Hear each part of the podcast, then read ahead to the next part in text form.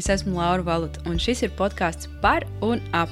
Šis podkāsts ir vieta, kur mums, meitenēm, satikties, papļāpāt par sev aktuālām tēmām un smelties iedvesmu vienai no otras, lai dzīvotu foršu un laimīgu dzīvi.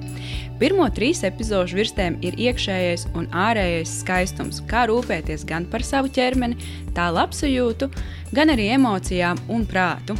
Saruna, ko tuliņ varēs noklausīties, ir jau mūsu otrā epizode.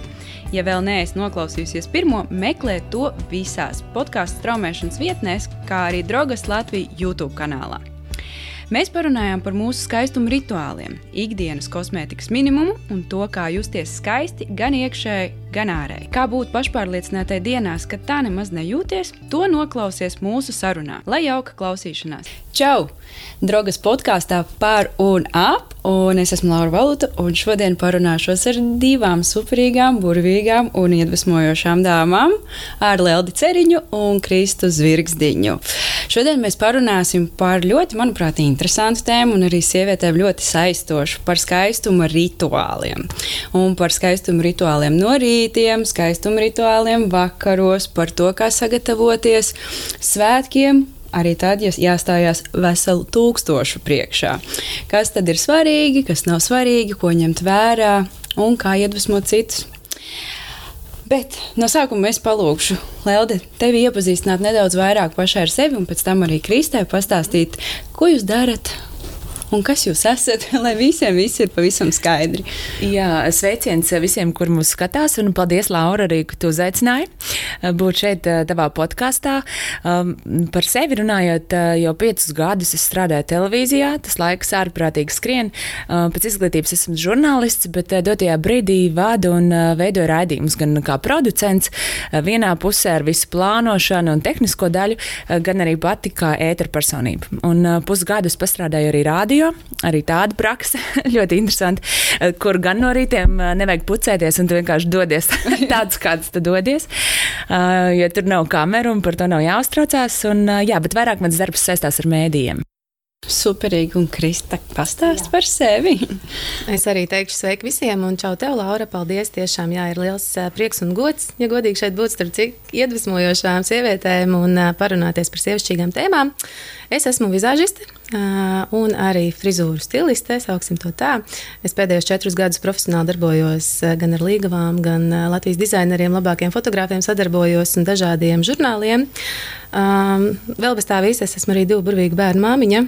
Un, kas ir interesanti, manā pamatizglītība ir pirmsskolas pedagogs, pat pirmā izglītība. Oh, wow! Jā, jā, sajust, empātiski sajust cilvēku, būt viņam blakus, nomierināt viņu un arī mazliet jā, ar tādu tiešām psihologa piesitienu, tik ļoti satraucošos brīžos palīdzēt atbrīvoties un justies labi.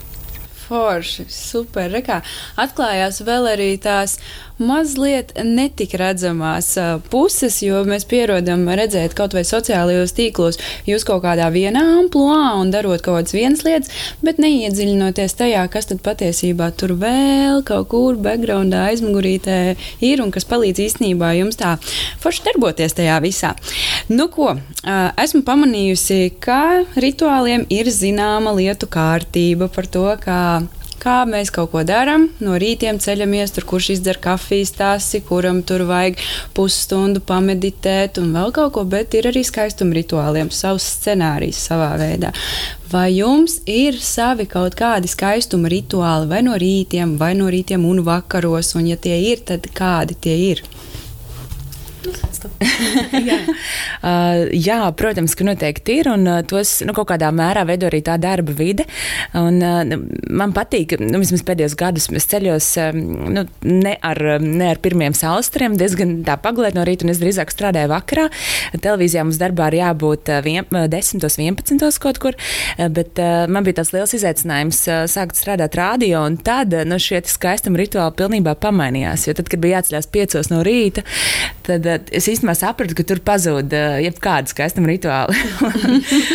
un dotajā brīdī, jā, tad, kad es atgriezos atpakaļ tajā ierastajā rutīnā, es novērtēju to, cik patīkami ir piecelties un lēni iedzert to savu kafijas tasi un lēni sagatavoties dienai. Um, es, nu, tas rituāls noteikti tas, ko kā esmu pieredzējis. Es tiešām mazgāju katru dienu matus. Es nezinu, ko par to saka speciālisti, jūs abas, bet uh, man patīk, ka man ir svaiga galva. Ļoti reti ir tā, ka es nu, tā staigātu vairākas dienas um, ar vienu un to pašu, piemēram, frizūru. Un, uh, tāpat arī rīta rituāls noteikti ir uh, sejas masāža. Uh, pati ar pirkstiņiem es tiešām cenšos tam atvēlēt nu, kaut kādas vismaz uh, 5, 7 minūtes. Uh, ilgāk nē, lai gan būtu droši vien labi to laiku paildzināt, bet uh, es izmantoju jā, mitrinošas krēmus, un tad man ir jau ir savs nu, veids, kā es kā, to ceļu, uh, savu seju pati cenšos uh, pamodināt. Nu, tā, un tad jau, protams, ir nu, tā grīma uzklāšana, un uh, tam dažiem mēs pieskarsimies mazliet uh, tālāk. nu, tu vari arī uzreiz Kas? pastāstīt, nu, varbūt ne tik varbūt sīki un smalki, bet skaidrs, ka tu tā tad viens ir sejas sagatavošana, un pēc tam jau ir arī tā make-up uzklāšana, grīma uzklāšana tai, tai dienai. Bet uh, vai tā, ka tu katru dienu, teiksim, tā pilnīgi vien, nu, ne, labi, vienādi skaidrs, ka nē, bet vai katru dienu tu to dari? Vai ir tie ir tās reizes, kad arī ļaujies, nu tā, neko nedarīt. Man gribētos tā ļauties neko nedarīt, bet nu, principā tā mana nedēļa veidojās tā, ka man katru dienu ir, ir filmēšanas, vai tās ir filmēšanas, vai tās ir fotosesijas. Ja fotosesijas, tad tas rīts ir patīkams, ja tu zini, ka kāds tevi sataisīs. un tu vienkārši dodies uz norunāto vietu un laiku, un tad jau tev tur gaida komanda, kas ir brīnišķīga, bet nu, pārsvarā jau es pati, nu, tā kā ja tā nav liela filmēšana, uz kuru man krāso televīzijā, gribu mākslinieci, tad es krāsojos pati pati no rītiem. Uh, tas sanāk gan arī katru darba dienu. Jo, ja tev ir jāiet ētrā, tad tomēr ir uzlikts nu, kaut kāds tāds uzstādījums, ka, nu, tev, protams, mm, ka tev tomēr vajag to bāzes uh, pamatu. Un, uh, Es cenšos ļoti daudz laukos. Vismaz, nu, pilnībā tad, kad aizbraucu brīvdienās, tad nedarīt neko. Un vienkārši izmantot kopiešo kosmētiku un, un būt tīri dabā, tā, nu, bez nekā liekusējas.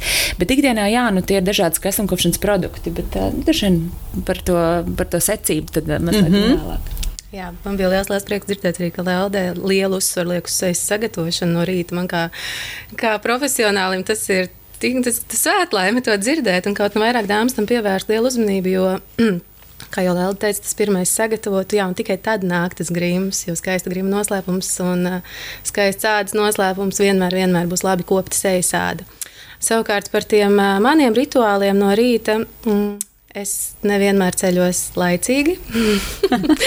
man Kā patīk, jā, man patīk pagulēt, un īpaši tad, ja ir tāda trakāka darba nedēļa, tad es bieži vien guļu līdz pat pēdējiem brīdim, un tad ir tāds fiksējs skrējiens uz vannas istabu, kur, protams, es vienmēr no rīta attīru seju no iepriekšējā vakara mitinošā krēma un viss pārējā, kas tur naktas laikā ir uz sejas sakrājies, jo mana sejas āda ir salīdzinoši problemātiska. Es pieļauju, ka katra sieviete tā domā, jā, bet meitenes mana sejas Mana sejas āda tiešām ir diezgan cimperlīga, un ja es viņu palaidu pašplūsmā, tad um, spoguļu attēls nevēsta to labāko. Tāpēc, lai arī cik pēdējā brīdī es no tās gultas izripotu, es vienmēr parūpēšos par to, lai seja ir attīrīta, sagatavota, samitrināta, un uh, dekoratīvā kosmētika bieži vien notiek pa ceļam.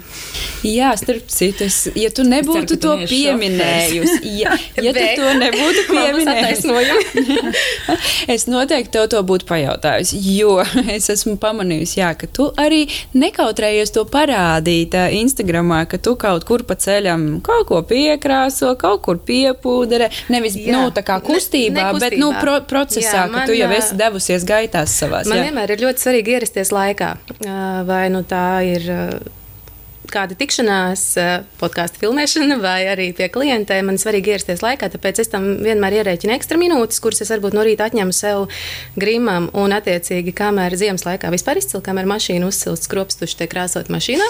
Tur tā mana vibrācija pie saknītēm ļoti labi strādājas. Laineris laikam, ka tādā ikdienas skrējienā reti, kad, eh, reti, kad velku un, eh, un uzkrāsoju sev, vai arī, ja jau es esmu ieradusies ātrāk pie klientes, es mašīnā turpat ielikt lejā savas 2-3 minūtes, ātri nopūderēju spīdumu, uzkrāsoju tušu un uzvedas, jā, mans tāds iztiks minimums tieši no grima ir uzacis. Es varu iziet bez tušas no mājas, bet es neiziešu bez uzacīm un skrops tušu. Ja?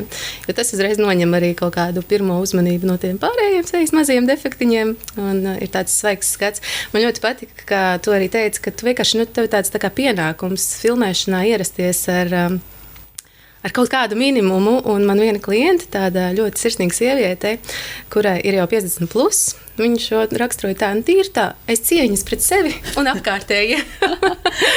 un man šī frāze, jā, tik ļoti ir iespēdusies atmiņā, ka tas tāds nav jau pienākums it kā, bet tas tāds žests, principā, ka tu esi sakopies, ka tu esi piedomājis. Ka tev nav viena alga. Jā, arī. Tas ir estētiski. Man kā estētei šādas lietas ir ļoti, ļoti svarīgas un liels prieks klausīties, ka cilvēki pie tā piedomā un redzēt. Pirmkārt, jau redzēt, jā, ka cilvēks ierodas tīrs, kopts, estētisks. Nu, re, tādi ir jums forši paši, paši tie rīti, bet par sejas ādas kopšanu tu pievērst tam uzmanību, Kristu tam uzsvēra, nu tādu arī.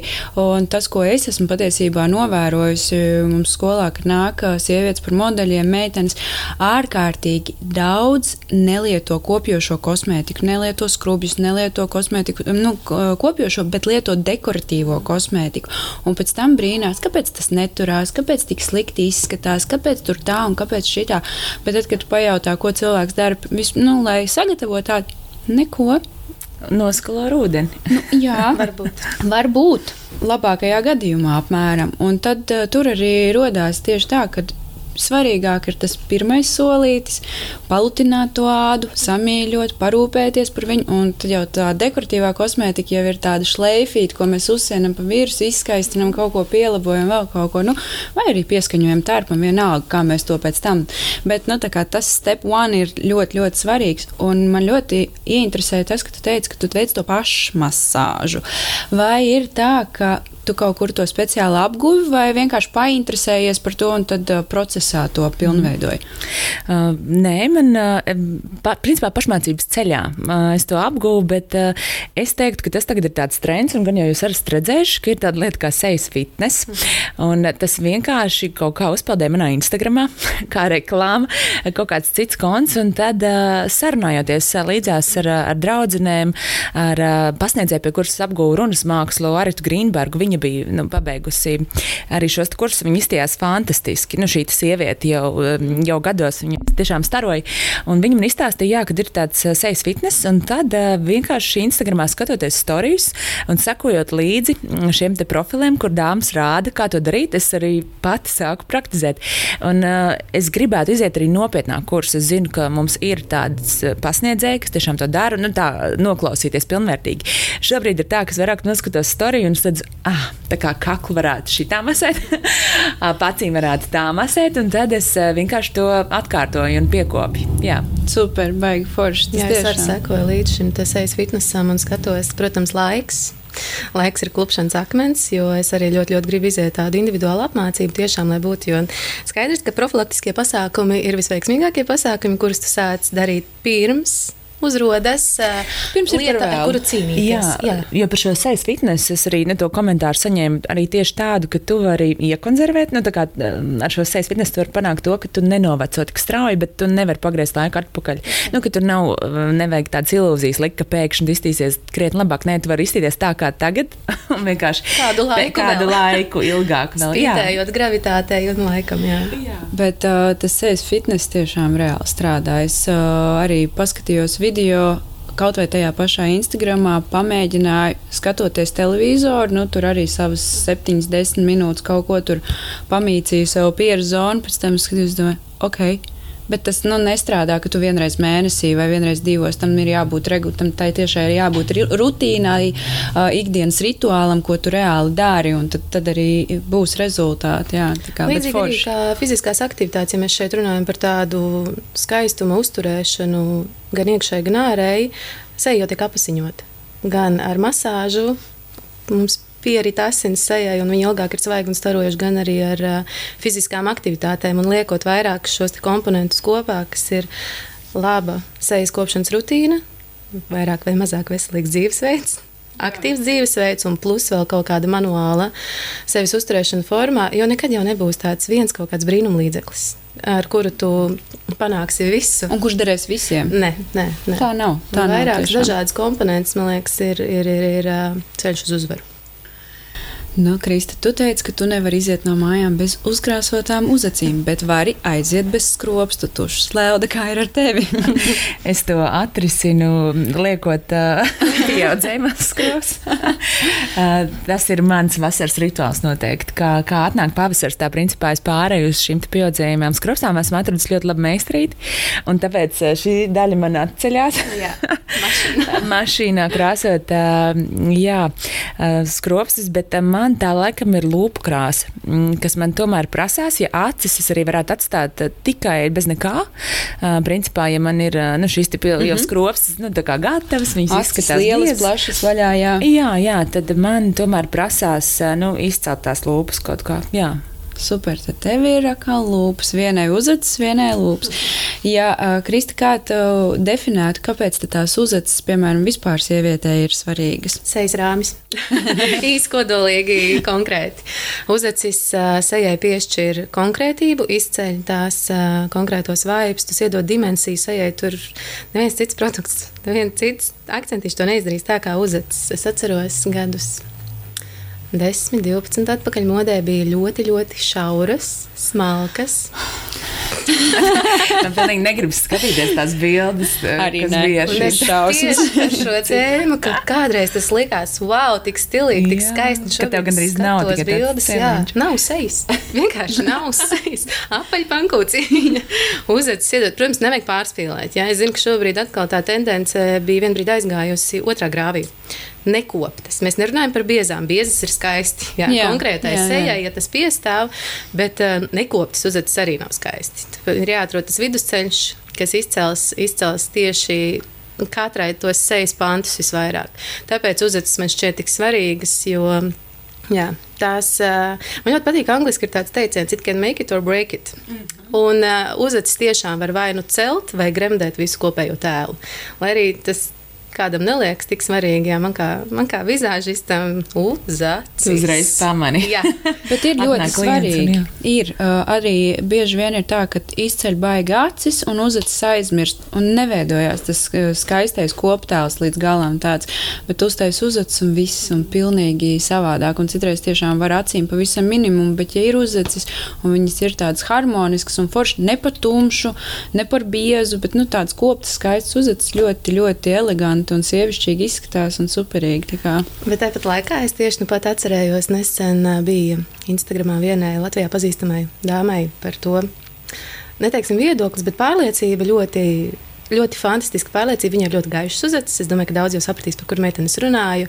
Un, viņa viņas izvēlas atsevišķi neakcentēt. Dažreiz, dažreiz viņa viņas akcentē, un viņa ļoti ar viņām lepojas, un viņa viņas fantastiski piestāv. Es pat nevaru iedomāties viņu pēkšņi ar tumšbrūnām, konkrētām uzacīm. Tāpat tās arī uh, mūsu, mūsu ļoti slavenā, slavenā nemaldos, kino režisori. Ja? Ne? Nu, tagad var sajaukt, samiksēties. Es zinu uzvārdu, un ar šādu uzvārdu mēs startējām arī dziedošais ģimenes brūvere.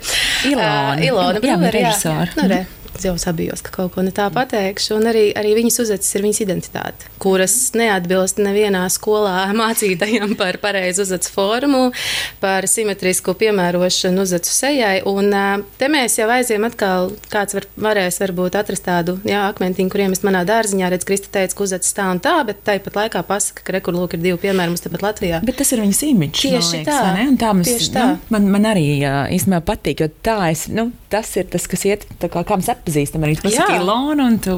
Jā, tā tā, es, teiktu, tā ir daļa no Jā. viņas identitātes. Nu, un viņa ir mākslinieca. Man liekas, tas tik ļoti piestāv, ka tev Jā. tomēr ir kaut kāda, nu, ka tu neesi tik pareizs tajā visā, arī vizuālajā formā. Jā. Bet jājūtas arī pašam komfortā un jā. to, un jājūtas par to pārliecinātam. Tu jau vari sazīmēt, arī modē bija tās vilnīšu uzacis, ja tu vari uzzīmēt tādas, bet vai tu izies uz ielas un ies ar augstu pacelt galvu, un tev būs vienalga, ko domā par to citu. Nu, tā kā uz to arī var pievērt noteikti acis. Ja, ja tas ir cilvēks, kurš iet ar pārliecību, viņš tā jūtas labi, komfortabli un viņam tā patīk. Nu, tā kā nevienam jau nevar aizliegt.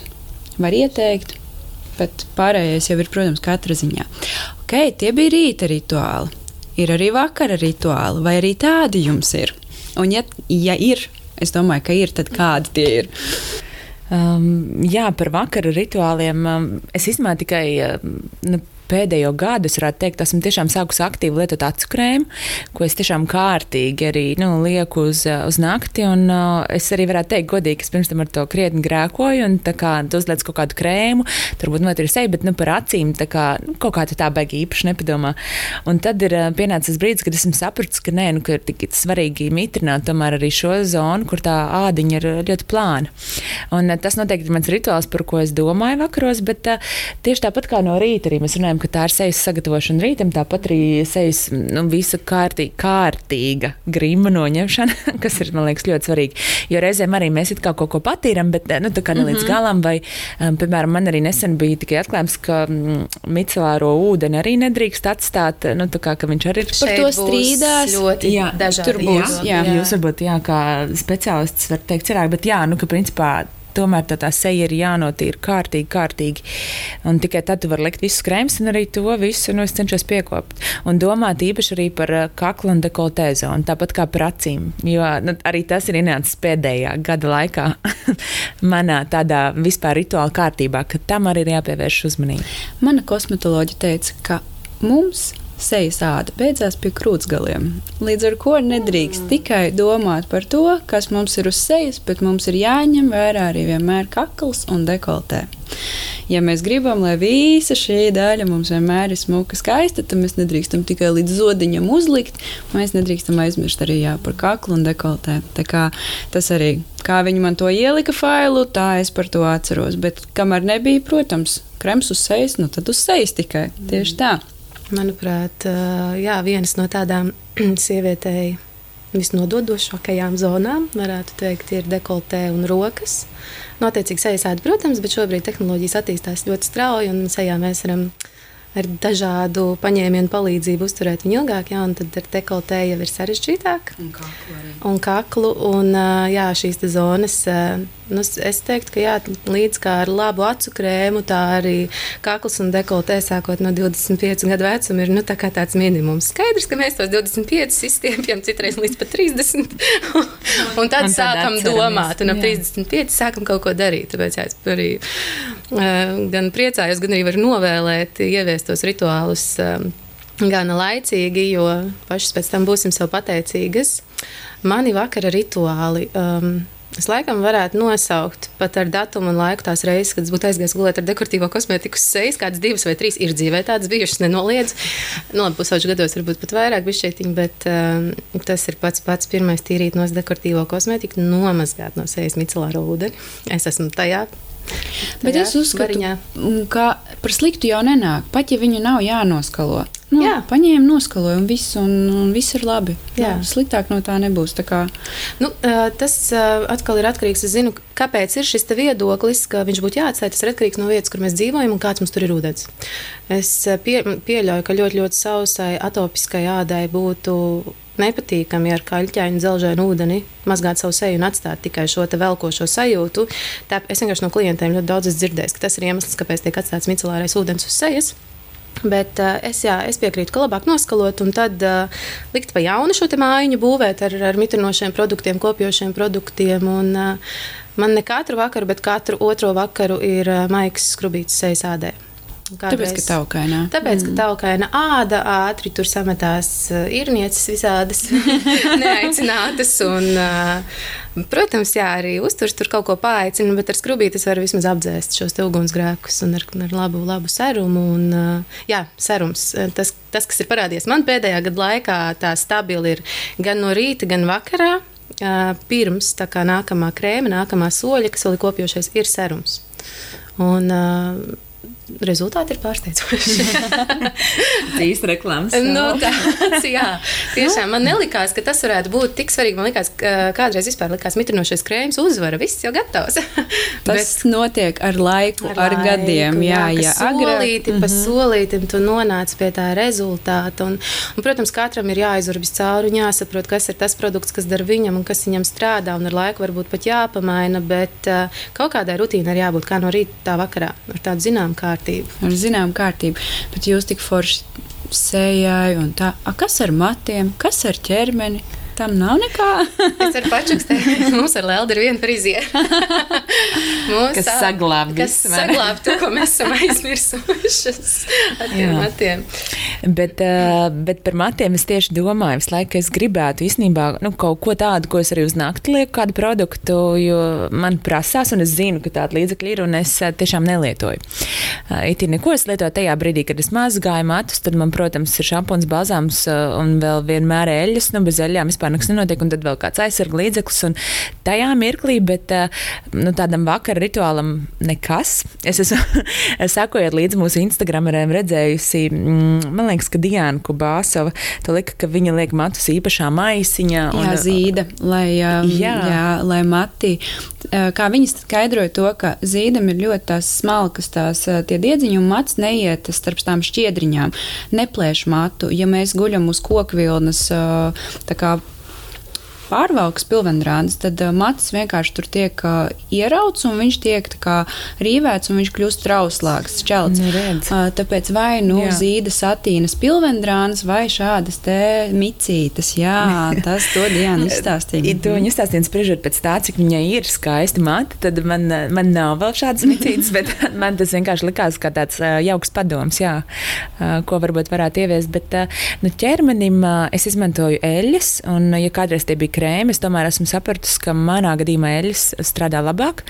Un, um, Tas ir um, tāds kļūs arī par rituālu ar vīru, kurā es viņu iesaistu. Cik Jo viņam- forši. Jā, viņam nav tā kā atkāpja. Un, Nav variantu nekādu. Un, uh, jā, jā un, uh, un tas man īstenībā patīk, jo tas arī satavina. Un pirms miega kā, nu, šo rituālu pārvērš arī kaut kā man patīkamā, un tas ir tāds tuvības mirklis. Uh, jā, tā kā tas ir eļļas. Mm -hmm.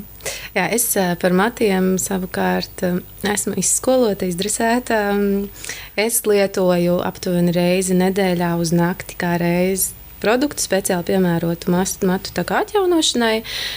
Par kuru kā, es esmu diezgan lielā sajūsmā, un es zinu, ka ir noteikti daudz un dažādi šādi produkti. Protams, man tas nenāca viegli. Iet gulēt ar slapju galvu uz dvielīša, jo tas ir jādara ar slapju galvu.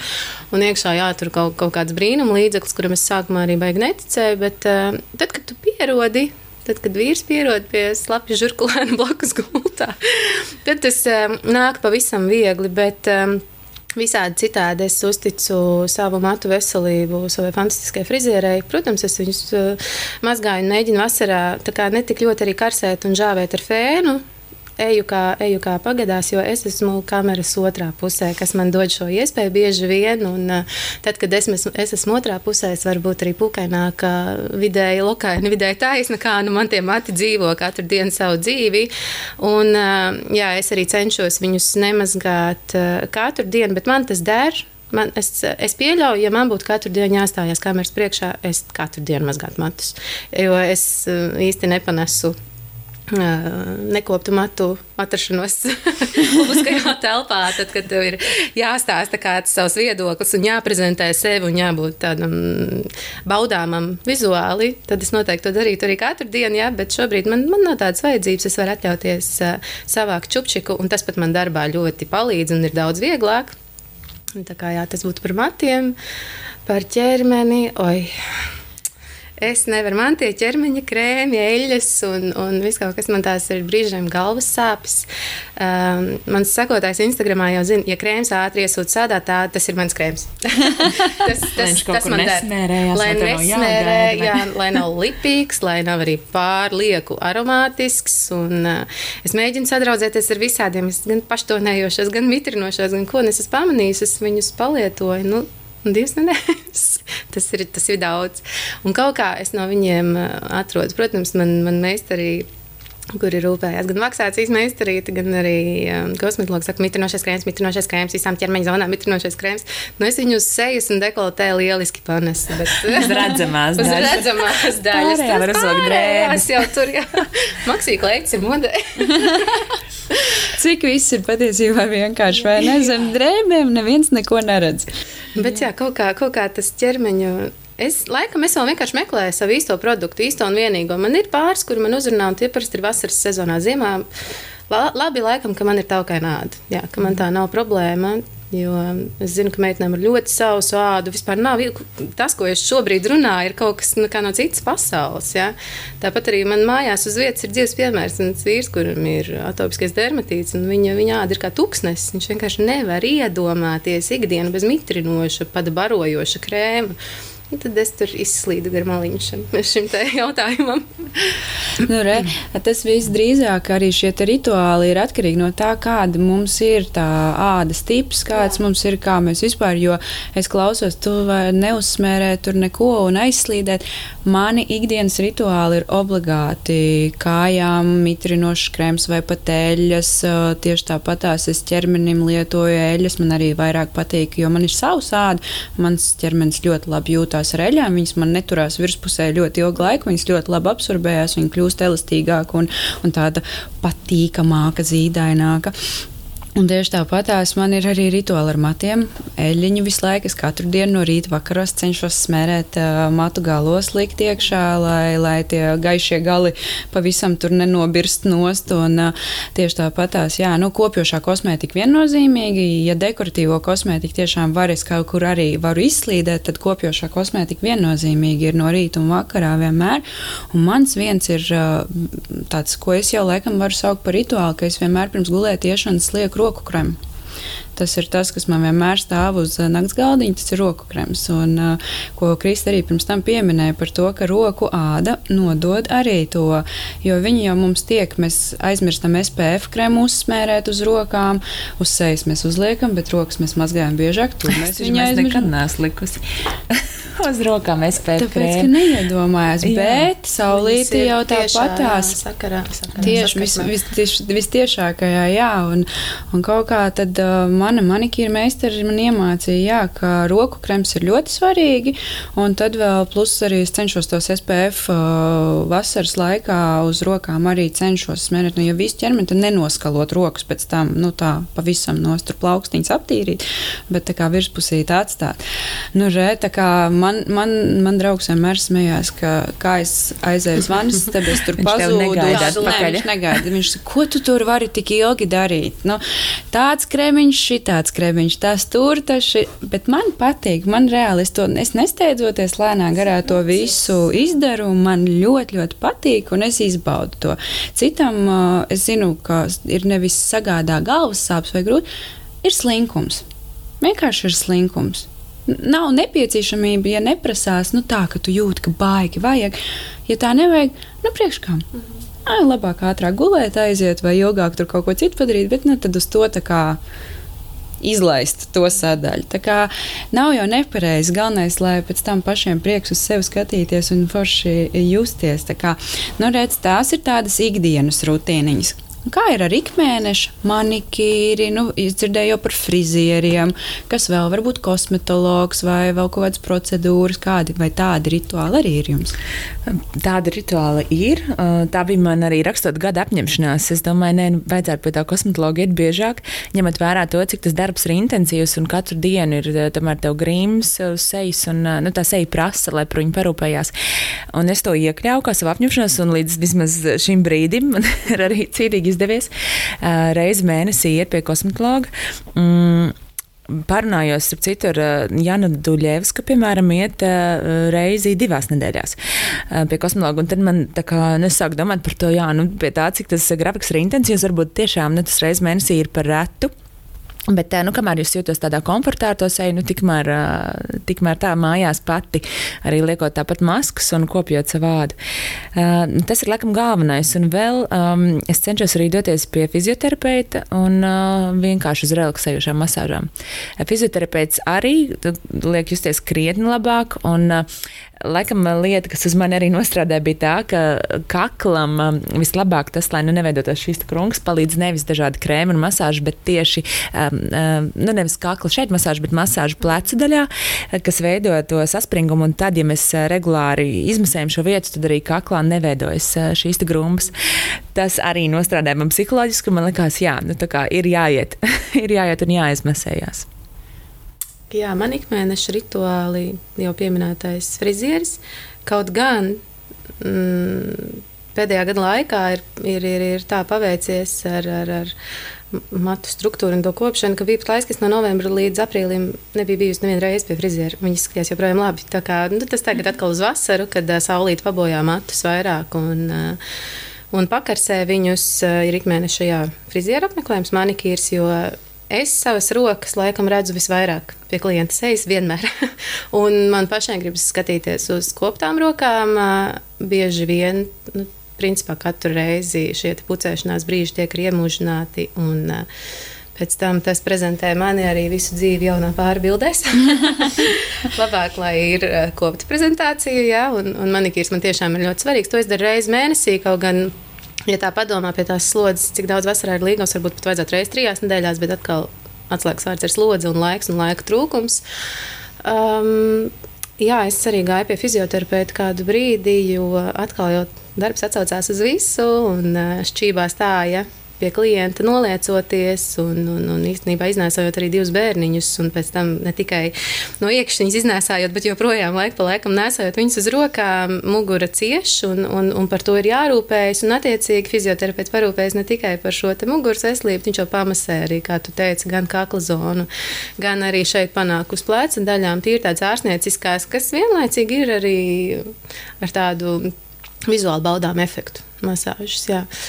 Neko citu ikmēneša ietveros, laikam. Jā, par kosmetologu es esmu kaut kā baigi piešāvusies, sevi noskrubēt, attīrīt, dziļi attīrīt, tad atkal bišķi vājāk attīrīt citās reizēs, tad samitrināt, tad dziļāk samitrināt. Un, Un kaut kā es esmu izlaidusi to kosmetologu. Bet es... kā tā sejas masāža. Man arī tas, tas nu, pats, lai kā man liekas, sev masēt, nu tā es nevaru sevi izmasēt. Tas, nu, tas jā ir, ir, ir to jā. vērts, jā, iet un apgulties laiku pa laikam. Lai, Varbūt ne tik daudz man arī laikam pie kosmetologa tās attīrīšanas, cik uh, tie superintensīvie produkti, kas ir pieejami tieši kosmetologam, kā tāds, nu, tāda trieciena dēva mazliet, lai āda sarosās, o, sapurinās, un tad jau atkal tu vari turpināt to savu uh, ikdienas rutīnu. Skaidrs, ka es arī neesmu nekāds superregulārais kosmetologa apmeklētājs.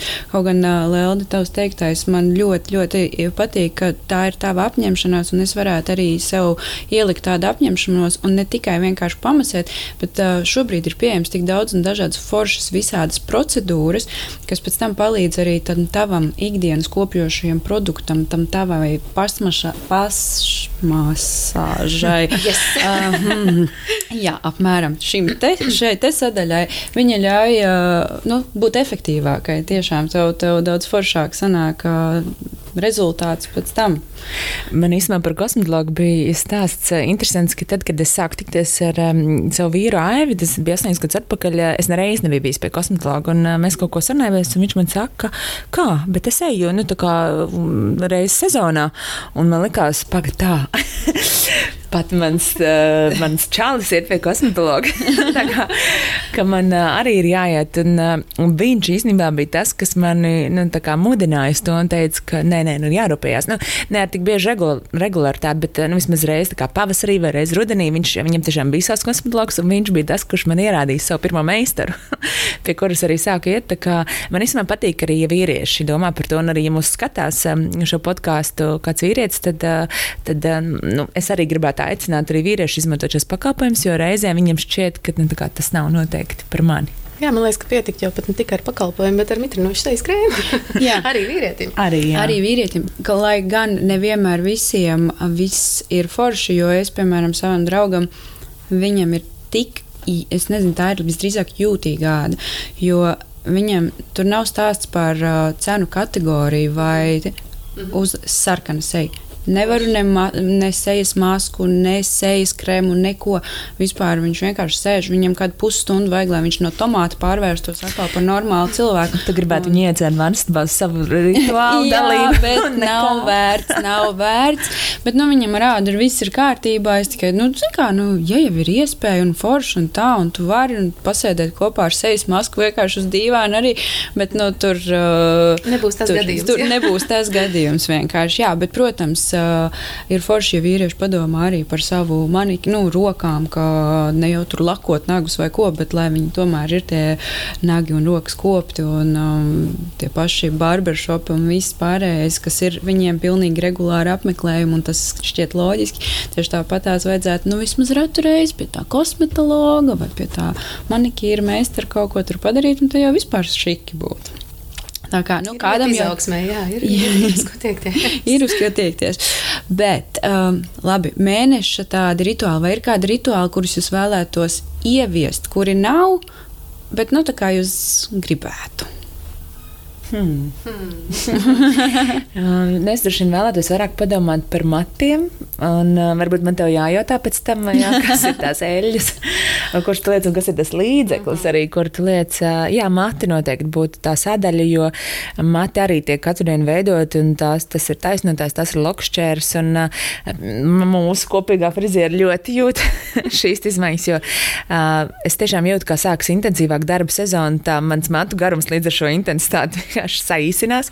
Un, jā, tas ir ļoti, ļoti jūtams. Um, jo, ja katru dienu to veido, un reizēm pat vairākas reizes ir viena filmēšana, tā aizbrauc uz otru, un, uh, diemžēl, bet tā tiešām ir, es nezinu, kā ar jums, kad jūs dodaties pie saviem klientiem, bet uh, Daudzi frizieri, vizāžisti reti izmanto pret karstumu līdzekļus. Tad vienkārši atnāk klients, nu tad kā aiziet, es sāku to lokot. Un... Tā, diemžēl, ir. Un meistaru nu, Rīgā arī ir ļoti, ļoti daudz un dažādu. Un, un tad, nu, kā, laikam es gribētu ieviest arī to, ka varbūt man pašai ir jau izējas pozīcijā jāpadomā par to, ka man ir līdzi savs maisiņš jau ar kaut kādiem produktiem. Un, nu, kas tev der un kas, kas tev strādā? Jā, jā, un es saku, ka nu, pirms tam sagatavojam manas matus un tad, mm -hmm. tad viņus cepinam tā kārtīgi. Tā ņemot vērā to tavu darbu apjomu un to tavu darbu specifiku, tas noteikti nav slikts variants. Tas būtu ļoti pat forši. Jā. Jo es arī, kad nāk pie manis klienti, es neiebilstu, ja cilvēks atnāk ar savu uh, kopjošo kosmētiku, vai ar savu tonālo kremu, vai ar savu skropstušu, jo viņš ir pārliecināts par to, ka viņam tas der un viņa āda vai kaut kāda zona jūtās ļoti labi. Viss, viss ir ļoti forši. Man ir galvenais rezultāts, nevis uzspiest to, nē, man ir foršāki produkti tur vai vēl kaut kas. Nu, tāpēc, uh, ja tu zini, ka tev vajag saglabāt tos tavus matus foršus, nu tad, tad jā, jo citreiz, protams, kāds var aizmirst, kāds var pievērt uz to acis. gadās, bet es saprotu, ka runā jau ir par tādu sistemātisku darbā darba attieksmi. Bet labi, jā, jā, bet tas ir temats, jā, temats svarīgākais ir apņemties pašam. Jā, nu, jā pašam, pašam jādomā par sevi. Tā, jo jā. pēc tam tās sekas jau būs jāizmanto nevis kādam citam, vai ne? Vai ne? Tieši tāpēc, Lelda, tu savus kā, skaistumu rituālus, kas ir saistīti ar matiem un make-upu, bieži vien uztic citiem speciālistiem. Ikdienā rūpējies pati par saviem matiem un uh, sejas vizuālo noformējumu, bet ir reizes, kad tu uztici, vai tev ir tā, ka tev. Nu, ir kāds, kuru tu varbūt gribētu nolikt sev blakus uz visiem laikiem. Nu, nevis konkrēti cilvēki, bet vai tu vēlētos, lai tev būtu tā, ka viens par tevi vienmēr rūpējās. Nu, pasaulē daudz tādas sievietes, kurām ir savs viens tur matu meistars, viens tur vizāžists, un kad tev kaut kur jāiet, tad viņi tevi pazīst, viņi zina, un viss tiek darīts. Nu, savā ziņā man ir tāds mēsls, tā ir mana mm. mamma, mm -hmm. kas mani krāso uz pasākumiem, jo viņa ir, nu, tas ir viņas profesionālais hobijs. Viņa ikdienā strādā citā darbiņā, bet viņa mani tiešām krāso regulāri, arī nu, pat vakardien vienam žurnālam uz fotosesiju, bet tā es laikam īstenībā negribētu, jo man patīk šīs tikšanās, un man kaut vai, kad es satiekos ar tevi, un tu man krāso, vai man liekas, ka tu man gan neesi krāsojis. es ceru, ka mēs līdz tam tiksim, bet man tas ļoti patīk, jo katram ir savs cits pieskāriens, un um, interesantā ir tā spēlēšanās ar to, ka katrs arī vizāžists tevi redz citādāk, un ja tu esi gatavs ļauties, tad tu vari pats sevi ieraudzīt, nu, pilnīgi citādāk atspūgā, un wow, es varu izskatīties arī šādi. Um, nu, Jo jūs arī noteikti paši, nu, katrai savu roku iestrādājusies uz nu, kaut kā jā. Jā. jā, un tāpēc nu, es negribētu, laikam, lai man ir viens vienīgs. Tas meistars man tiešām patīk, tikties atkal, atkal no jauna. Ja tas cilvēks ir profesionāls, tad es arī pilnībā paļaujos uz to, ka tur viss būs kārtībā.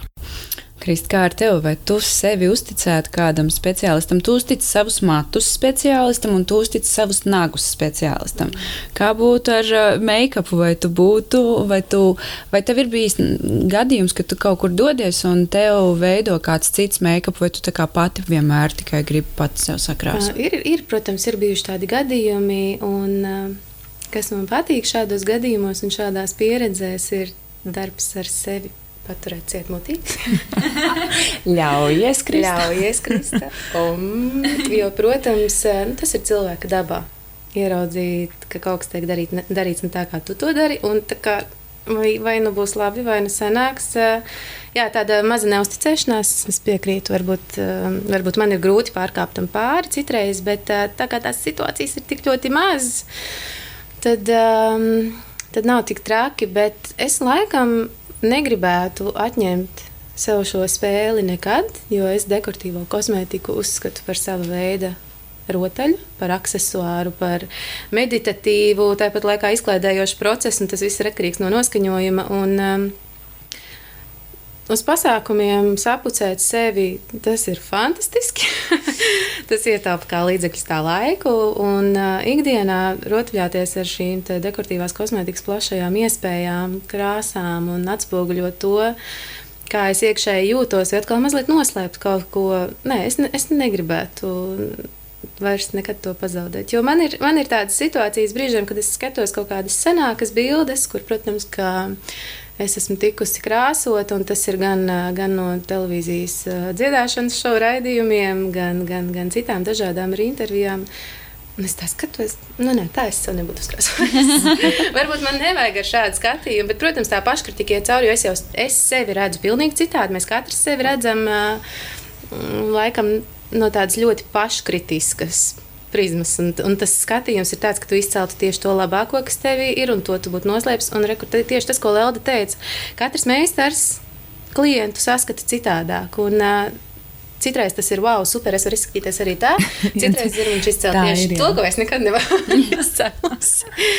Bet uh, Jā, es laikam gribētu vairāk apņemties, re, kur lēdē par frizieru, tad man atkal uz otru pusi man par to kosmetologu, jo es, es piekrītu, es uz to haltūrēju. Kas interesanti, es tieši šodien savā Instagram izveidoju jautājumu savām sekotājām, lūdzu, ieskiet man labu kosmetologu. Tātad tu jau esi uz pareizā ceļa. Es esmu uz pareizā ceļa, bet tā, tas ir tikai tāds, tāds pusceļš, pieskrējiens, jo viens ir dabūt tiešām labu meistaru, un tad man liekas, tā sinerģija jau veidojās, tu gribi iet pie viņa tu gribi, lai tevi palutina, lai tevi pamasē tā. Jo... Kā tu sāc redzēt, eh, redzēt rezultātus, tā tev arī patiesībā rodas lielāka motivācija to darīt atkārtot, biežāk, regulārāk un to turpināt darīt. Ja tu neredz rezultātu vai jēgu tam visam, tad tev arī tā interese un vēlme tam kaut kā noplok. Tieši tā. Nu, forši. Man, es esmu ar jums uz vienu viļņu. Man vispār savā profesijā nonāca tikai tāpēc, ka mani krāsoja um, par modeli uz, gan uh, uz dažādām fotosesijām, gan uz filmēšanām. Un katrs tieši tā, katrs meistars tevi redz savādāk, un katra situācija ir savādāka, kā tevi vajag parādīt. Un kad tu ieraugi, ah, šitā var izskatīties, oh, un šitā vakarā aizēja visu to notīri nost. Here I am. Atkal es esmu tāda pati. Un tāpēc man patīk, tā ir spēle. Kāds noskaņojums tā krāsojies, kāds apģērbs tā krāsojies. Nu, vienmēr sakot, jā, gribi krāsojies, negribi nekrāsojies. Un, un tu vari būt tāda un šāda. Nu, tas tā, man, manuprāt, arī baigi, baigi foršā, baigi foršā lieta. Bet, Lēlda, kā tu sagatavojies pirms saviem lielajiem iznācieniem? Um, jā, es gribētu reiz laust uh, varbūt ne, to priekšstatu par to, ka cilvēkiem liekas, ka es nezinu, ir liels pasākums, uh, publisks vai liela vadīšana, un ka tev tiešām ir nu, tāda vesela diena. Nu, tagad es gatavojos, un tad es eju taisa matus un grīmu. Jo nu, tā realitāte ir tajā parasti, kad tas notiek vienkārši vaiprātīgā skrejienā. Uh, pa dienu es esmu vienā otrā filmēšanā, kaut ko es producēju, vēl es rakstu ik pa laikam kādam žurnālam vai grāmatai, kaut kādus autoru tekstus stāstus. Un tev ir tik daudz no to lietu, un tad tu kā pēc stundas jau ir pasākums. Un tad tu vienkārši eh, dari super maksimālā ātrumā, vienkārši uzrauj to kleitu, ko tu esi nu, nocīmē ātri, kaut kā pieķēmē matus. Domā, labi, es šādi atspraudīšu, šādi varētu būt ok. Mēģini ātri to savu seju nu, piekrāsot, un viss esmu gatavs. Un tad šeit ir tā lieta, kas nostrādā vienīgais, kā es to iznesīšu, un ja es ar savu attieksmi paudīšu to, kas esmu pārliecināta, tad tā tas arī izskatīsies. Tu vari dienu gatavoties un iet pie nezinu kādiem speciālistiem un pucēties. Un, ja tev nebūs tā saviekšējā sajūta, ka tev ir pārliecība, tad nu, tam vispār nav īsti nekādas jēgas. Un, nu, lielākoties arī visi tie publiskie pasākumi, kur arī mums, piemēram, ir jātiekās veikala atklāšanas vai Latvijas modes gada balva vai vēl kaut kas, tas viss notiek tā, ka es ieskrien televīzijā, uzrāju to kleitu ātri, kaut ko, kaut ko, un vienkārši dodos. Nu, tā, tāpēc nav, laikam, jā, nu, man reti sanāk tā, ka es tiešām varētu kaut kam nu, tā ļoti sagatavoties. Tādās fotosesijās īstenībā notiek lielāka sagatavošanās, tad, kad tu atnāc komats, tev ir nu, šī komanda, kur jau tevi gaida, un tur ir, un tur ir viens vizāžists, un tur ir um, matu meistars, frizieris, nu, un tad kā viss tev līdz detaļām Lēnāk stilists tevi saģēri, katru detaļu, jā, piefiksē un tā, bet um, pirms pasākumiem tā, diemžēl, nenotiek. Jā, diemžēl, diemžēl. bet tāda ir realitāte. Krista, tev kā vizāžiste, kā Mm, kā tu ieteiktu, kā uh, sievietēm, kuras klausās, sagatavoties pirms viņu iziešanas kaut kādos saviesīgos pasākumos vai pirms lieliem iznācieniem, vai arī, ja viņas dodas pie tevis, kas viņām būtu iepriekš jāzina, jāpadomā, jāņem vērā? Jā, te jau mēs, man liekas, nonākam atpakaļ pie tā paša pamata, pamata ar ko mēs sākām sakopta sejas āda. Un, neatkarīgi no tā, kāda mēroga pasākums ir gaidāms vai kāda iziešana, es sievietēm vienmēr iesaku parūpēties par to savu sejas ādu, palutināt. Un tas sāks jau iepriekšējā vakarā, nevis tajā rītā fiks, fiks kaut kādas. Pasargties, skābīšu maskas, liktas virsū, vai eksperimentēt ar kādiem jauniem produktiem. Bet jā, Tev ir ko teikt, vai ne šajā es vienkārši atcerējos. Es vispār nezinu, par ko tieši es domāju tajā brīdī, bet uh, pirms uh, savas kāzas dienas es, uh, es tiešām, un tas notika gadu atpakaļ, un uh, es biju sapratis, ka man vajadzētu, nu, tā kā iepriekš, mums vispār nebija laiks, nu, tā gatavošanās notika tieši šādi, ka dienu iepriekš es dabūju grēdzenes, kleitu, kurpes, nu, tā kā viss notika dienu pirms ceremonijas, un es biju domājis, ka man vajadzētu arī parūpēties, uh, nu, par savu seju. Un uh, man bija kaut kāds kupons, nezinu, kuru dabūt, un es vienkārši biju pierakstījies pie tās meistars vakarā pirms savām kāzām. Pirmo reizi, nu, tā kā pie nezināmas meistars.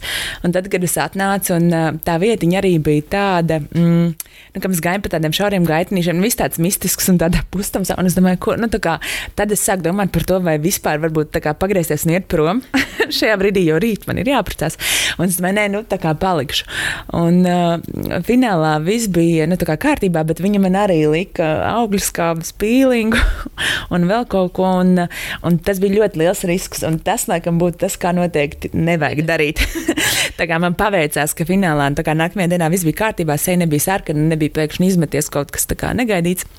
Bet uh, es tiešām nezinu, par ko es domāju tajā brīdī, kad es nolēmu ļauties šādam riskam. precīzi tas, ko es katru reizi saku savām līgaviņām. Uh, pirms kāzu dienas nu, neeksperimentējam ne ar ko jaunu, jo nu, tas nelietīgais mērfijs nekad neguļ. Un, uh, es priecājos, ka tev paveicās. un, un, un, jo, jo šajā brīdī jau ir stresa ietekme uz organismu. Tas ir stress vai arī šis patīkamais satraukums, un viņš var izvērsties caur kaut kādu produktu ļoti, ļoti neveiksmīgā gultnē. Tāpēc jā, es vienmēr iesaku laicīgi parūpēties par savu sejas ādu ne ar kādām radikālām metodēm. Uh, iepriekšējais vakars pavisam noteikti nav piemērots. Pat ja citos gadījumos vēl izies veiksmīgi šī situācija, nu, būs viens, un tas visticamāk ļoti svarīgais gadījums dzīvē, kad nebūs viss tik gludi. Tad uh, vēl man tāds ieteikums ir uh, laikus jau padomāt arī par to, kā tu vēlies izskatīties konkrētajā pasākumā, ja tas tiešām ir svarīgs un nozīmīgs. Ja mēs te vairs nerunāsim par kāzām, bet par kādu lielāku iziešanu, jo kāzas ir bišķiņ cita opera, tur tu padomā, kā tu Ļoti laicīgi, nu parasti. Ļoti laicīgi, parasti, jā. Kā kurš, jā. Kā, kā kurš gadījums. Bet uh, padomāt, jā kā tava kleita sajies kopā ar tavu matu sakārtojumu, ar tavu grīmu. Un tāds pats pats lielākais ieteikums nu, nenosēsties pie tā YouTube tutoriāla, ja pamācības tieši tajā nu, stundu vai divas iepriekš, pirms tev ir jāiziet no mājas un nemēģināt pašu pirmo reizi dzīvē atkārtot uzkrāsošos, tā kā Lūk, rekurūta Krista vai Laura. Bet varbūt iesācēji veiksmi. Varbūt. varbūt. Tāda pastāv, jā. jā. Ja vien tu, tu neesi jā, ļoti veiksmīgi, ja, ja tiešām tu to nekad neesi darījusi, tad uh, tā pasākuma diena nebūs īstais laiks, kad to sāk darīt. Un, um, protams, nesakot Es vienmēr saku, nesakojiet kaut kādiem aplamiem, standartiem, tendencēm. Jūties harmonijā ar to, kas tev ir mugurā, kas tev ir uz sejas, kas tev ir matos. pat ja tas ir kaut kas pilnīgi kreizī priekš citiem, jo augstāk pacelt būs tava galva, jo mazāk tu redzēsi pārējo problēmas. Uh, vai arī, ja tas ir atkal kaut kas ļoti tāds. Uh, klasisks, mierīgs, citam varbūt pat ikdienišķs, bet tu tajā jūties vislabāk. Go for it! Dari tā! Tikai lai tu esi harmonijā ar sevi. Nekad nevajadzētu slēpties. Tas ir mans uzskats, slēpties aiz kosmētikas, aiz matulakas kalniem, aiz priekš tevis nepiemērota apģērba gabalā. Esi tu pati, un, un, un tā jau būs uzvara. Man patīk arī, ja ir tāds teiciens, visas pārējās vietas jau ir aizņemtas. Es, esi tu pats, kam tev dzīties kaut kam pakaļ. Tāpēc jā, man tāds ieteikums, laikam, tāds globāls, pat ne tikai pirms pasākumiem, es harmonijā ar sevi. Un... un viss būs baigi labi. Paklausoties par tiem pēdējā brīža notikumiem, jā, tas laikam arī ir tas mans ieteikums, jebkurai sievietei neeksperimentēt dienu, īsnībā pat dažas dienas pirms svarīgiem notikumiem, kaut vai ar to pašu skropstu pieaudzēšanu pirmo reizi. Ja ir tas darīts regulāri un nekad nekas nav bijis, bet tāpat tie stresori var būt ne tikai negatīvi, viņi var būt arī pozitīvi, un viņi kaut kādā veidā mūsu organismu, organismu ietekmē. Un ir bijuši gadījumi, ka meitene vienu to pašu dara un atnāk ar zaļiem matiem blondīni, jā, divas dienas pirms svarīga pasākuma. Un kāpēc tā notika, neviens nevar izskaidrot, nekas savādāk nav darīts. Tieši tas pats attiecās, jā, mati, āda, seja, uh, nu, pat, patiesībā jebkas, jebkas. Jā, pat, uh, pat uh, tādas lietas, kā laicīgi iepriekš, pirms patestēt, pamēģināt, saprast, vai tas der, vai tas strādā, tad, tad forši. Bet nu, iepriekšējā dienā, jo ir bijuši daudz gadījumi, kad liekas, jā, mēs daudz esam redzējuši. Jā, solārija apmeklējumi iepriekšējā dienā, paštonējošā krēma likšana iepriekšējā dienā, kosmetologa apmeklējums neveiksmīgs iepriekšējā dienā, friziera apmeklējums diemžēl neveiksmīgs un, un viss kaut kas, un tas patiesībā beigās sagandē to burvīgo sajūtu. Es eh, šeit gribētu uh, argumentēt jums abām pretī mazliet, ka man bieži gadās, uh, nu, tā kā es esmu tiešām no tiem cilvēkiem, kas, eh, kas pēdējā brīdī arī dara daudzas lietas. Un, eh, un tajā brīdī, ka ja tev pat nu, kaut kas iet greizi, tad eh, nu, atcerieties, ka tas nav pasaules gals. Jo es nu, patiesi kaut kā man gandrīz visos dzīves svarīgākos pasākumos, visos izlaidumos, un visur ir bijis tā, ka tas notiek pēdējā brīdī, un kaut kas vienmēr nav kārtībā, bet kaut kā tas šķiet tik otršķirīgi. Jo galvenais ir nu, tās sajūtas, un nu, katrs šis pasākums tev ir ar kaut ko nozīmīgs. Un, un tad fokusējies tieši uz to, kāpēc viņš ir tik svarīgs, un tu ķer tās emocijas. Un, un es īstenībā parasti to šīs vizuālās īpatnības, kas ir notikušas, tāpēc, kad eksperimentē, vai tā ir tāda kleita, ko tas pasūtīs pie šuvēja, un, un tiešām izņēmis viņu tajā rītā. Eh, kad eh, ir šis pasākums, eh, vai kaut kā citādāk, bet vienkārši nepārdzīvot par to tik ļoti. Un, un man tā gadās, un es tiešām arī tā daru, un es vienkārši atmetu roku un ar vieglu ironiju pasmējos par sevi. Un, tā ir ļoti tu, veselīga. Tā ir ļoti veselīga. Tu spēj, daudzi nespēj tā, un tas ir forši. Tev varbūt arī patīk mazliet pa to dzēgas malu tur pastaigāties, ka nu, būs, būs, nebūs, nebūs, bet ja pat nav, tu to ļoti viegli uztver. Citam tas tiešām var būt pasaules gals emocionāls, un ja ir cilvēks jau pats apzinās, ka viņš ir emocionāli Jā, tad, tad ļoti jutīgs, un tā tad mm. vienkārši plāno to visu laicīgi. Jo, protams, arī man ir bijis pēdējā brīdī, kad tu atliec, atliec, atliec, atliec, un tad tu, nu labi, tagad visu bladāts vienā momentā, jo vajag, un nav variantu. Bet kā jums šķiet, vai tādai rutīnai, kaut kādam tādai skeletiņam, schēmiņai se sekojot, vai tā ir vērtība ikdienā, mēneša griezumā, gada griezumā?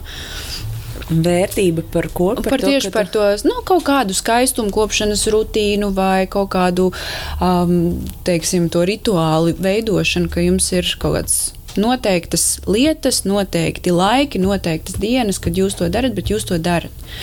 Um, nu, es domāju, ka galvenais ir atcerēties to, ka, ka mēs to darām sevis dēļ. Un, uh, un, ja tas man liek justies komfortā, un es zinu, ka tas man palīdz izskatīties labāk, justies labāk, tad tā noteikti ir vērtība.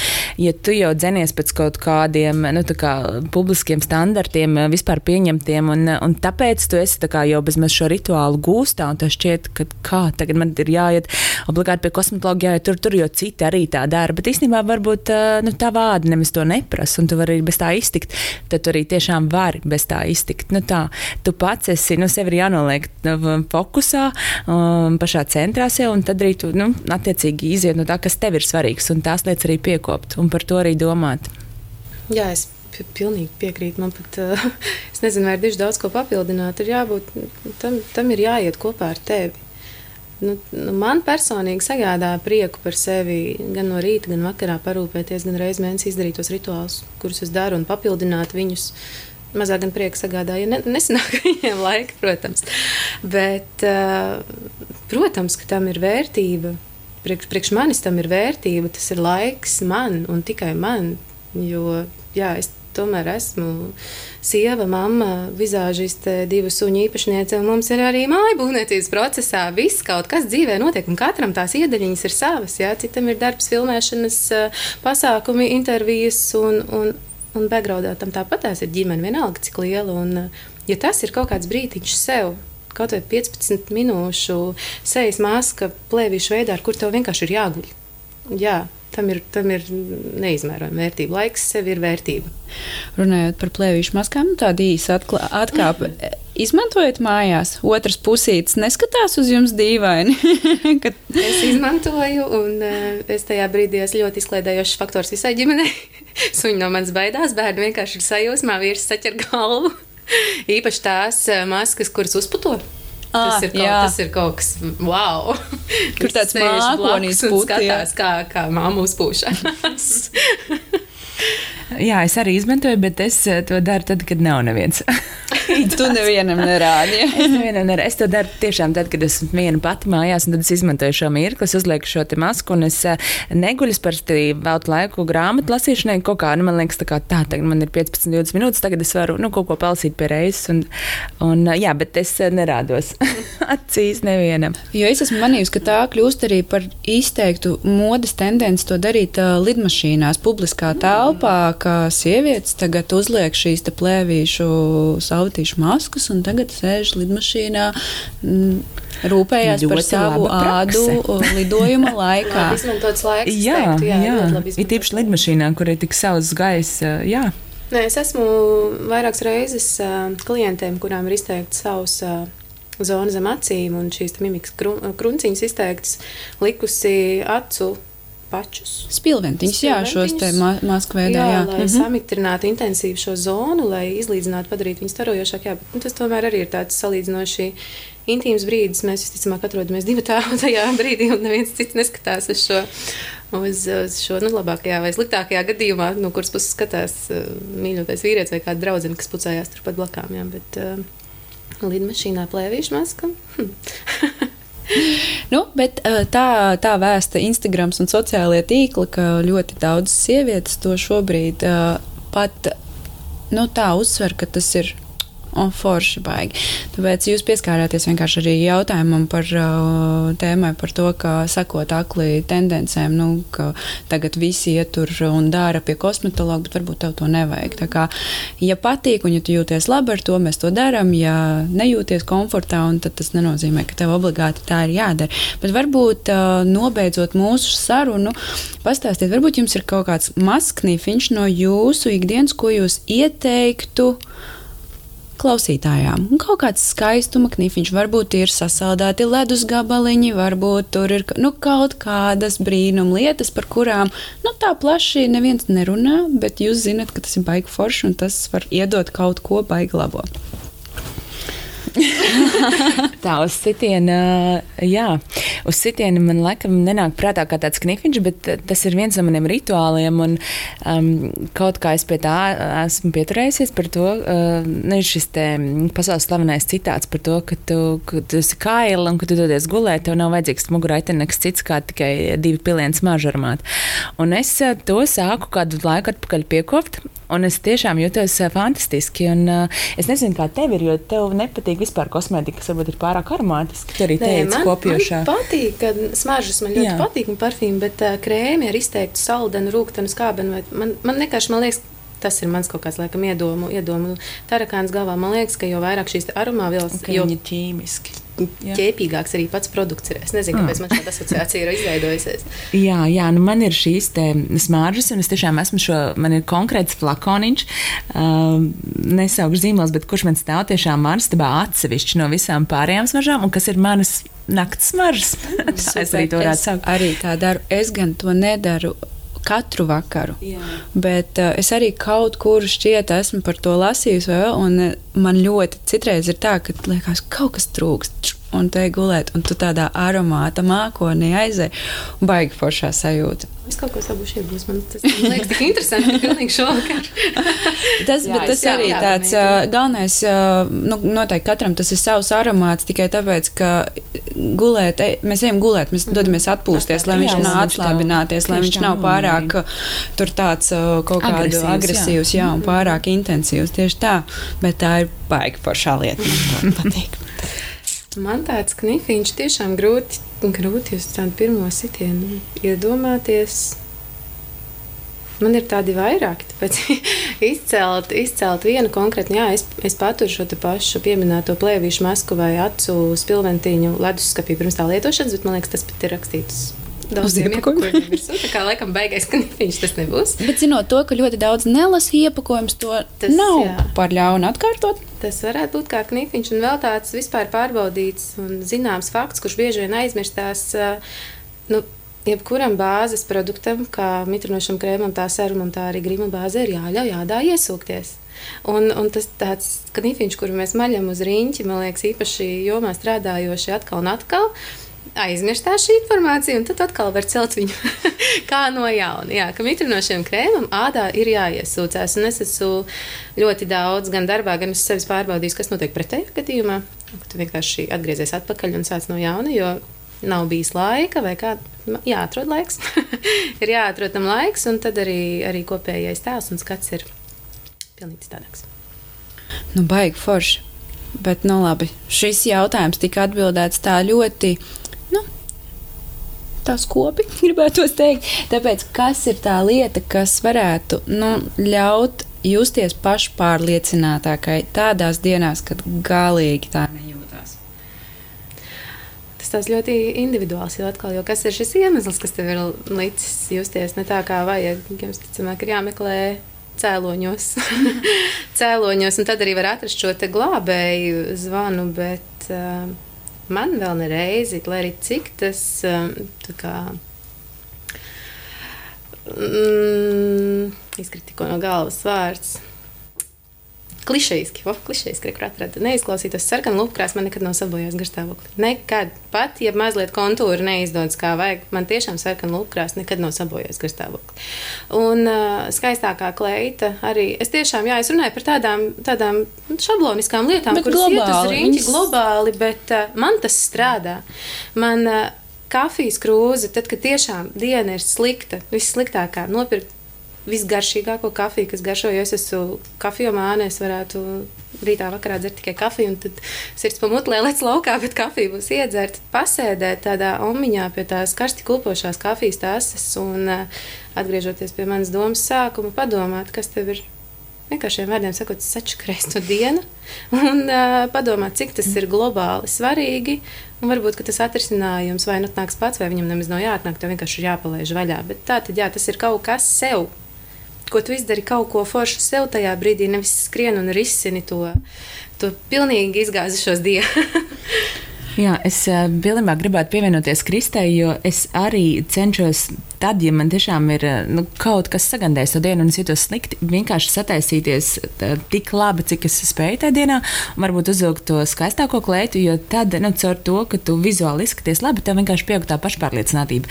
Un pamatoju, es tiešām gribu to pamatot ar to, ka es mēģināju arī uh, no otras puses, un man ir tāds uh, džempers, uh, latviešu niķītis, un es esmu tiešām sliktā dienā uzvilkusi šo džemperu niķītis, it kā jau skaļi paziņojot to, ka šī nav mana diena nu, nenāciet man klāt. Bet notiek pilnīgi pretējais, jo katrs to grib pienākt. Nu, kas tad tev šodien noticis? Nu, kas tad tev tā ir sabojājis to dienu? Un nav tā, ka tu vispār gribētu to stāstīt. Un tāpēc um, nu, man liekas, reizēm ir labāk radīt šo pašpārliecinātību, ka tev viss ir kārtībā, un citi tev arī tā uztvers, un tev arī šī diena vieglāk paies, nekā jau klāji iedot signālu, ka šī nav mana diena. jo cilvēkiem tomēr ir kaut kāda interese, urda iekšā, un viņi nāk, un viņi tā kā it kā labu gribot cenšas tev palīdzēt, bet tev varbūt vispār nav vajadzīgs tev brīdī. Varbūt labāk, lai viss tev liek mierā. Tāpēc labi izskatīties, un neviens tev neprasa, kas un kā, bet justies foršā. Kāpēc mēs uh, visi trīs šeit tāda sievišķīga viļņa esošas un tiešām ticam tam, ka tas, tas iedvesmo un, uh, un starp citu vēl uh, sliktās dienās izdarīt kādam citam kaut ko jauku ļoti palīdz. Nu, patīk tev tā kleita, pasaki. tas nekas, ka tā ir sveša sieviete. Tici man, viņai tas uzlabos dienu pilnībā, un tā atgriezeniskā saikne, ko tu saņemsi, arī būs vārdos neaprakstāma. Es esmu to pati pārbaudījis. Es zinu, ka latviešiem ir grūti ar šo jautājumu. Kaut gan nu jau ir labāk, mēs, mā, mēs mā, mācāmies izteikt komplimentus, un kas vēl ir ļoti svarīgi, mēs mācāmies viņus arī saņemt. Man liekas, tas ir tas, kas mums vēl vairāk tas, jāapgūst. Jā. Ai, nu ko? Ai, nav jau, jā. nav jau tā, nu beidz. Nu, re. Supermētens, paldies jums par šo burvīgo sarunu. Un par šo burvīgo sarunu jums paldies vēlas arī pateikt drogas. Tāpēc katrai no jums. Cik forši. Tas ir jauki. Paldies! Vienai lielai, smagai somai, wow. kur varbūt iekšpusē būs kaut kas tāds, kas ļaus jums izveidot kādu jaunu rituālu. Mm. Vai varbūt, ja ne pašām, varbūt kādam no jums tuvajiem vai mīļajiem. Tā kā es ceru, ka jums uh, patiks. Saruna bija fantastiska. Ceru, ka arī visiem pārējiem klausītājiem bija interesanti un forši. Es nebrīnīšos, ka jums pēc tam birs uh, tur kaut kādi personiski jautājumi uh, par masāžām, par vēl kaut kādām lietām, kur tad to, ko tad tā un tā. Tā kā paldies, Krista, paldies, Lelde. Bija ļoti, ļoti forši. Paldies! paldies. Tev, Paldies, ka noklausījies šo sarunu, un ļoti ceru, ka tev tā likās noderīga un vērtīga. Ja tev šķiet, ka šis podkāsts varētu likties interesants arī kādai draudzenei, kolēģei, mammai vai māsai, ļoti priecāsimies, ja ar to dalīsies. Un, ja vēlaties Instagram storiju formātā padalīties ar kādu atsauksmi, izmanto tēmturi par un ap un ietago kontu atdrogas Latvija. Ja tu esi noklausījies tik tālu, super! Mēs vēlamies, lai tu palutini sevi. Iepērkoties drogas internetveikalā, ievadi kodu Esi laimīga, rakstot kopā bez atstarpēm un garumzīmēm, un tu saņemsi 10% atlaidi visam pirkuma grozam. Pasteidzies, kods derīgs pirmajiem simts pircējiem. Atceries, kods ir Esi laimīga bez atstarpēm un garumzīmēm. Uz tikšanos nākamajā epizodē!